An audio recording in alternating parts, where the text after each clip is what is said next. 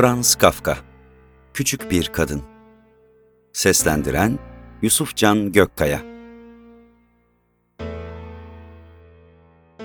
O küçük bir kadındır. Doğuştan ince yapılıdır. Sımsıkı giyinir. Ahşap rengine benzeyen, sarımsı gri tonlarda bir kumaştan yapılmış, her yanı kıyafet içinde görürüm onu. Elbise yine aynı renkteki püsküller veya düğme benzeri saçaklarla süslüdür. Asla şapka takmaz. Donuk sarı saçları yumuşacıktır ve gevşek bağlamasına rağmen dağınık değildir.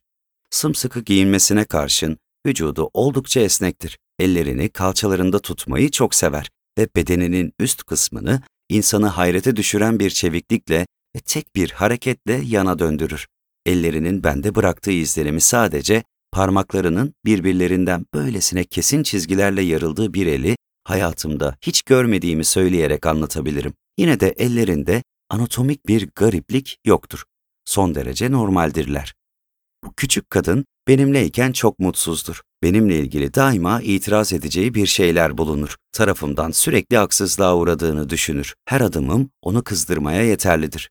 Eğer hayatı olabilecek en küçük parçalara bölmek ve her parçayı ayrı ayrı değerlendirmek mümkün olsaydı, hiç şüphesiz hayatımın her parçası onu sinir edebilirdi. Onu neden bu kadar kızdırdığımı her zaman merak etmişimdir. Benimle ilgili her şey onun güzellik ve adalet duygusuyla, alışkanlıklarıyla, gelenekleriyle, umutlarıyla çelişiyor olabilirdi. Böyle karşıt özelliklerin varlığı aşikardı. Fakat bu neden onun böylesine acı çekmesine yol açıyordu ki? Aramızda benim yüzümden acı çekmesine neden olabilecek herhangi bir ilişki yoktu. Keşke benim tamamen bir yabancı olduğuma hükmetseydi ki zaten her şeye rağmen öyleyim ve böyle bir karar karşısında yapabilecek hiçbir şeyim yok. Keşke varlığımı unutsaydı ki buna onu ne zorladım ne de zorlardım. Böylece tüm acıları açıkça yok olurdu. Bu noktada kendi durumumu daha doğrusu onun davranışlarının beni rahatsız ettiği gerçeğini hiç hesaba katmıyorum. Onun acısıyla karşılaştırıldığında bu rahatsızlığın devede kulak kaldığının farkında olduğum için buna aldırmıyorum. Bunun bir aşk acısı olmadığının da tamamen farkındayım. Özellikle benimle ilgili karşı çıktığı her şey başarımı engelleyebilecek nitelikte olmadığına göre bunun kişisel gelişimimle hiçbir ilgisi olamaz. Fakat benim başarım onun umrunda bile değil. Onu ilgilendiren kesinlikle kendi çıkarları. Yani benim yüzümden çektiği işkencenin intikamını almak ve geleceğini tehdit eden ben kaynaklı bir işkenceyi önlemek. Bir keresinde ona bu sürekli can sıkıntısını sona erdirecek mümkün olan en iyi yolu göstermeye çalıştım. Ama bu öyle bir öfke patlamasına neden oldu ki bir daha asla tekrarlamaya kalkmayacağım. Bu kadın benim için bir yabancı ve aramızda var olan tek ilişki onda yattığım, daha doğrusu öyle olmasını sağladığı öfke olmasına rağmen belli bir sorumluluğu taşıyor olduğum söylenebilir. Bu öfke yüzünden fiziksel olarak da acı çektiği belli ve bu benim için bir kayıtsızlık konusu olamaz. Ara sıra son zamanlarda sıklıkla sabahları solgun göründüğünde uyku uyumadan baş ağrılarıyla cebelleştiğine ve neredeyse hiç çalışamaz durumda olduğuna dair bazı haberler alıyorum. Akrabaları kadın hakkında oldukça endişeli. Durumuna neyin sebep olabileceğini bulmak için orada burada kapsamlı incelemeler yapıyorlar. Fakat şu ana kadar herhangi bir şey elde etmiş değiller. Sadece ben biliyorum. Sebep eski ve daima taze olan öfke.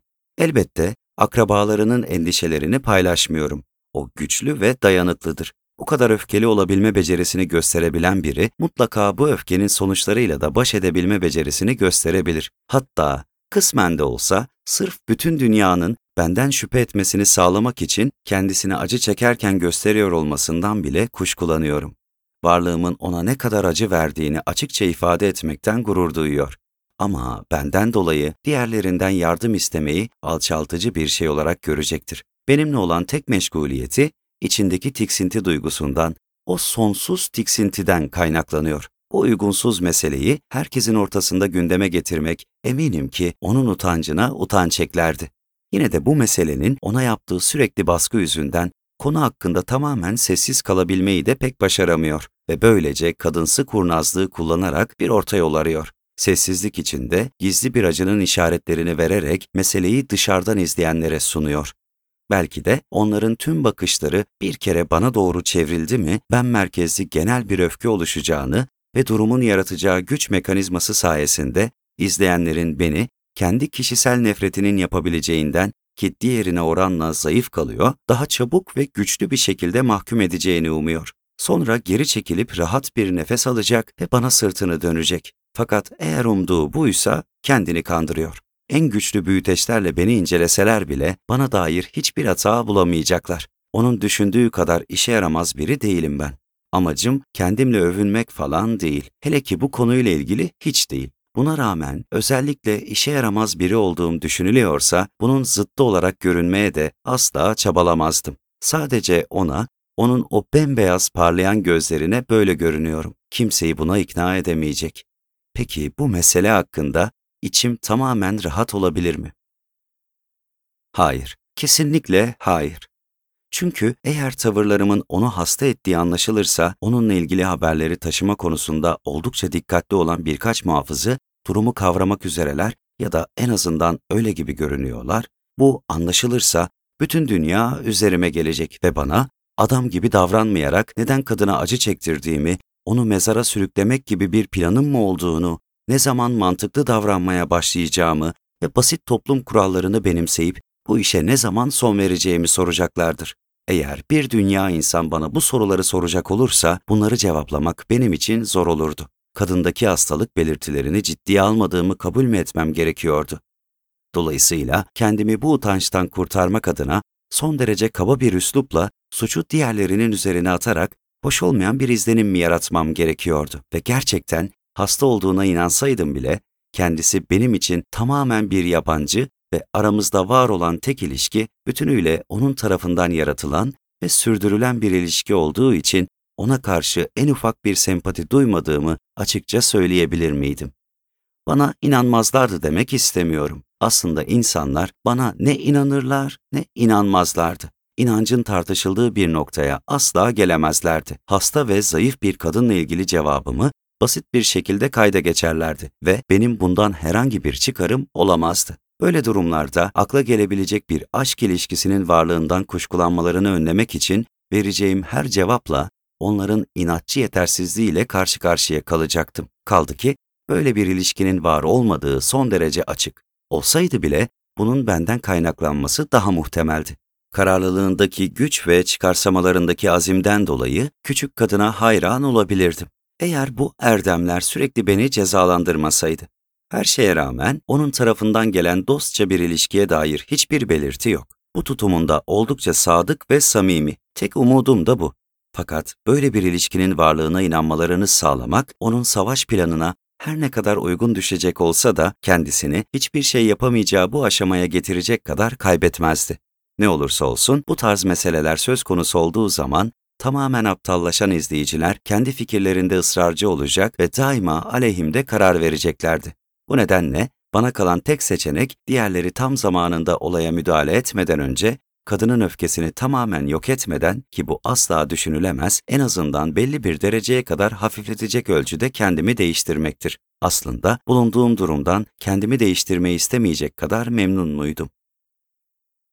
Dolayısıyla kendimdeki belli değişikliklerin sorumluluğunu taşımak mümkün olacak mıydı? Acaba bunu onların gerekliliklerine ikna olduğum için değil de sırf bir kadını yatıştırmak söz konusu olduğu için mi yapıyordum? Bu soruları fırsat buldukça kendime sordum ve bütün samimiyetimle kendimi değiştirmeyi denedim. Bunun için büyük bir özen ve gayret gösterdim. Hatta bana yakıştı bile. Neredeyse zevk alıyordum. Bireysel değişiklikler açıkça görülebiliyordu. Kadının dikkatini çekmek için artı bir çaba harcamaya gerek yoktu.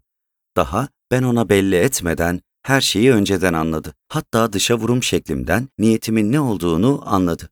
Fakat bu başarı bana bahşedilmedi. Her şeye rağmen bu nasıl olabilirdi? Şimdi anlıyorum. Benimle ilgili tatminsizliği daha derinlerde yatıyor. Ben ortadan kalksam bile hiçbir şey bunu yok edemez. İntihar haberimi aldığında öfke krizleri sınır tanımazdı. Ne olursa olsun bu zeki kadının suçsuzluğumu ve ne kadar iyi niyetle yaklaşırsam yaklaşayım, isteklerini karşılamadaki yetersizliğimi ve kendi çabalarının umutsuzluğunu benim kadar iyi kavrayamıyor olduğunu asla düşünemem. Elbette anlıyor. Fakat savaşçı bir mizaca sahip olduğu için mücadele tutkusu ona bunu unutturuyor. Buna uygun olarak talihsiz mizacım gereği ki bu bana öylece bahşedildiği için başka türlü davranamam. Tamamen kontrolden çıkmış birinin kulağına yumuşak bir uyarı fısıldamak istiyorum. Bu şekilde bir uzlaşmaya varılamayacağı çok açık. Daima sabahın ilk saatlerinin verdiği mutlulukla evden çıkacağım ve benim yüzümden çılgına dönmüş yüzünü göreceğim. Öfkeden büzülmüş dudaklarını sınava tabi tutan fakat sınavdan önce sonucu bilen ve hiçbir ayrıntıyı kaçırmayan ne kadar kısa olduğu hiç önemli değil o bakışını, kız gibi yanaklarında taşıdığı o acı gülümsemesini, yakınan gözlerle gökyüzünü süzüşünü, kendine cesaret vermek için ellerini kalçalarına koyuşunu, kızgınlığın verdiği solgunluk ve titremeyi göreceğim. Geçenlerde bunun ne zaman olduğunu büyük bir şaşkınlıkla fark ettiğimde, geçerken uğradığım iyi bir dostuma mesele hakkında ilk defa bir şeyler söyledim. Aslında benim için son derece önemsiz bir şeymiş gibi göstererek hadiseyi basitçe birkaç kelimeyle aktardım. Yine de ona tüm gerçeği anlatmadım. Dostum anlattıklarıma önem verip kendi açısından bir de olayı allandırıp pullandırması ve dikkatinin başka yöne çekilmesini reddederek bu konu üzerinde durması çok tuhaftı. Daha garibi ise bana bir süreliğine uzaklaşmamı tavsiye ederek işin tam can alıcı kısmında meselenin önemini azaltmış olmasıydı. Hiçbir tavsiye bu kadar anlayışsız olamazdı. Olaylar son derece açık, biraz daha yakından bakan herhangi biri her şeyi anlayabilirdi. Fakat gidişimin bütün meseleyi ya da en azından en önemli kısmını halledebilmesi bu kadar basit değil. Aksine buradan ayrılmaktan kaçınmalıyım. Eğer uymam gereken herhangi bir plan varsa bu meseleyi dış dünyayı henüz içine almamış olan ve meseleyi kendi dar sınırları içinde tutacak bir plan olması gerekiyor. Yani sessiz olup neredeysem orada kalmalı, meselenin dikkat çekebilecek büyük değişikliklere neden olmasını engellemeli ve aynı zamanda bundan kimseye bahsetmemeliydim. Tüm bunlar tehlikeli bir sır olmasından değil, sadece önemsiz, kişisel bir mesele olmasından kaynaklanıyor. Bu şekilde katlanılması daha kolay ve öyle de kalması gerekiyor. Bu noktada dostumun fikirleri pek de faydasız sayılmaz. Belki bana hiçbir şey öğretmediler ama kendi fikrimin sağlamlaşmasına neden oldular. Daha derinlemesine düşünüldüğünde meselenin zaman içinde geçirdiği değişim özlü bir değişim değil. Sadece benim bakış açımın gelişmesidir. Meselenin özüne doğru yaklaşırken bu bakış açısı daha sakin ve eril bir hal alıyor. Diğer taraftan hafif de olsa benimle kalmayı başaran süre gelen sarsıntılar bana belli bir sinirlilik hali yüklüyorlar. Var olduğuna inandığım meseleye gelince bu konu hakkında gittikçe daha da sakinleşiyorum. Çünkü bazen yakında bir karar verilecekmiş gibi görünse de aslında bunun herhangi bir karara bağlanmayacağının farkındayım. İnsan, kararlarla birlikte ortaya çıkan tempoyu fazlasıyla abartmaya eğilimlidir, özellikle gençken. Küçük yargıcım, beni görmüş olmaktan kaynaklanan bir güçsüzlükle ayakta durabilmek için bir eliyle iskemlenin arkasına tutarken diğer elini de korsesine sokarak iskemlesinin yanlarına doğru yığılıp da öfke ve umutsuzluk gözyaşları yanaklarından süzülmeye başladığı zamanlarda daima kararın kapıda olduğunu ve her an hesaba çekilmek üzere çağrılacağımı düşünürdüm. Fakat herhangi bir karar çıkmaz ve hesaba çekilmek üzere çağrılmazdım.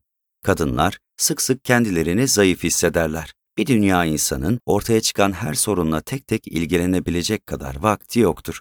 Peki bu kadar yıl boyunca neler olup bitti? Bazen güçlü, bazen zayıf bir biçimde kendilerini tekrarlayan, böylece sadece sayılarını arttıran olaylar dışında hiçbir şey. Etrafta eğer fırsat bulurlarsa müdahale etmeye meraklı insanlar da var. Fakat asla buna fırsat bulamayacaklar. Şimdiye kadar güvendikleri tek şey sezgileri ve sezgilerin onları fazlasıyla oyalamaya yeterli olacağı doğru. Fakat diğerleri için hiçbir şey biçemem. Aslında işler daima bu şekilde yürür.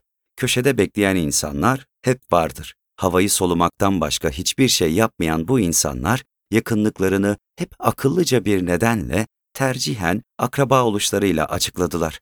Her zaman izliyorlar ve burunları her zaman bu sezginin kokusunu alırdı.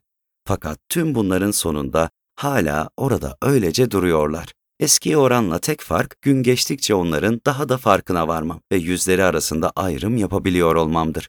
Daha önce farklı yerlerden yavaş yavaş geleceklerine, meselenin boyutlarının büyümeye devam edeceğine ve bunun tek başına karar için yeterli olacağına inanırdım. Sanırım bugün şundan emin olabilirim. Tüm bunlar baştan beri vardı. Aslında kararın yaklaşmasıyla pek bir alakaları yoktu. Ya kararın kendisi, onu neden böylesine bir isimle adlandırıyordum ki? Eğer dışarıdan seyredenlerin bu meseleyle ilgileneceği ki daima tekrarlayacağım gibi böyle bir yeteneğe sahip değiller, bir zaman gelirse kesinlikle yarın ya da ondan sonraki gün değil ve muhtemelen asla yargılanma sürecinden sağ salim kurtulamayacağımı biliyorum fakat bu insanlar kendilerine yabancı olmadığımı hem güvenilen hem de başkalarına güvenen biri olarak uzun zamandır onların gözü önünde yaşadığımı hesaba katacaklar. Dolayısıyla sahneye sonradan çıkmış olan bu acılı küçük kadının, bu arada benden başka biri epeydir onu dulavra tutu olarak görüp sessiz sedasız çizmelerinin altında eziyor olabilirdi, etrafımdakilerin uzun zaman önce kendi saygıdeğer gruplarına katıp bana layık gördükleri seviyeye en kötü durumda bile sadece çirkin bir karalama ekleyeceğini kesinlikle düşüneceklerdir. Şu anki durum bu ve pek bir rahatsızlık hissetmiyorum. Yıllar geçtikçe hafif bir rahatsızlık duymamın meselenin gerçek anlamıyla hiçbir alakası yok. Var öfkenin yetersizliğini bilsek bile kim olursa olsun mutlak bir sıkıntı kaynağı olmak katlanılması imkansız bir şeydir. İnsan rahatsız olur. Yalnız fiziksel anlamda bir sezgiyle oluşacaklarına asla inanmadığı yargıları beklemeye başlar. Yine de bir bakıma bu sadece ileri yaşlarda oluşan bir olaydır. Tatsız ayrıntılar gençliğin sonsuz güç pınarında kaybolurlar. Eğer insan henüz genç bir çocukken etrafa biraz şüpheli gözlerle bakıyorsa bu onun yüzüne vurulmaz. Farkına bile varılmaz. Hatta kendisi bile fark etmez. İleri yaşlara kadar hayatta kalan şeyler kalıntılardır. Hepsi gereklidir. Hiçbiri yinelenmeyecektir. Her biri dikkatle gözden geçirilir ve geçkin bir adamın şüpheyle bakan gözleri bariz bir şekilde şüpheyle bakıyordur. Bunu görmek çok zor değildir. Fakat bu gerçek ve somut bir kötüye gidiş değildir.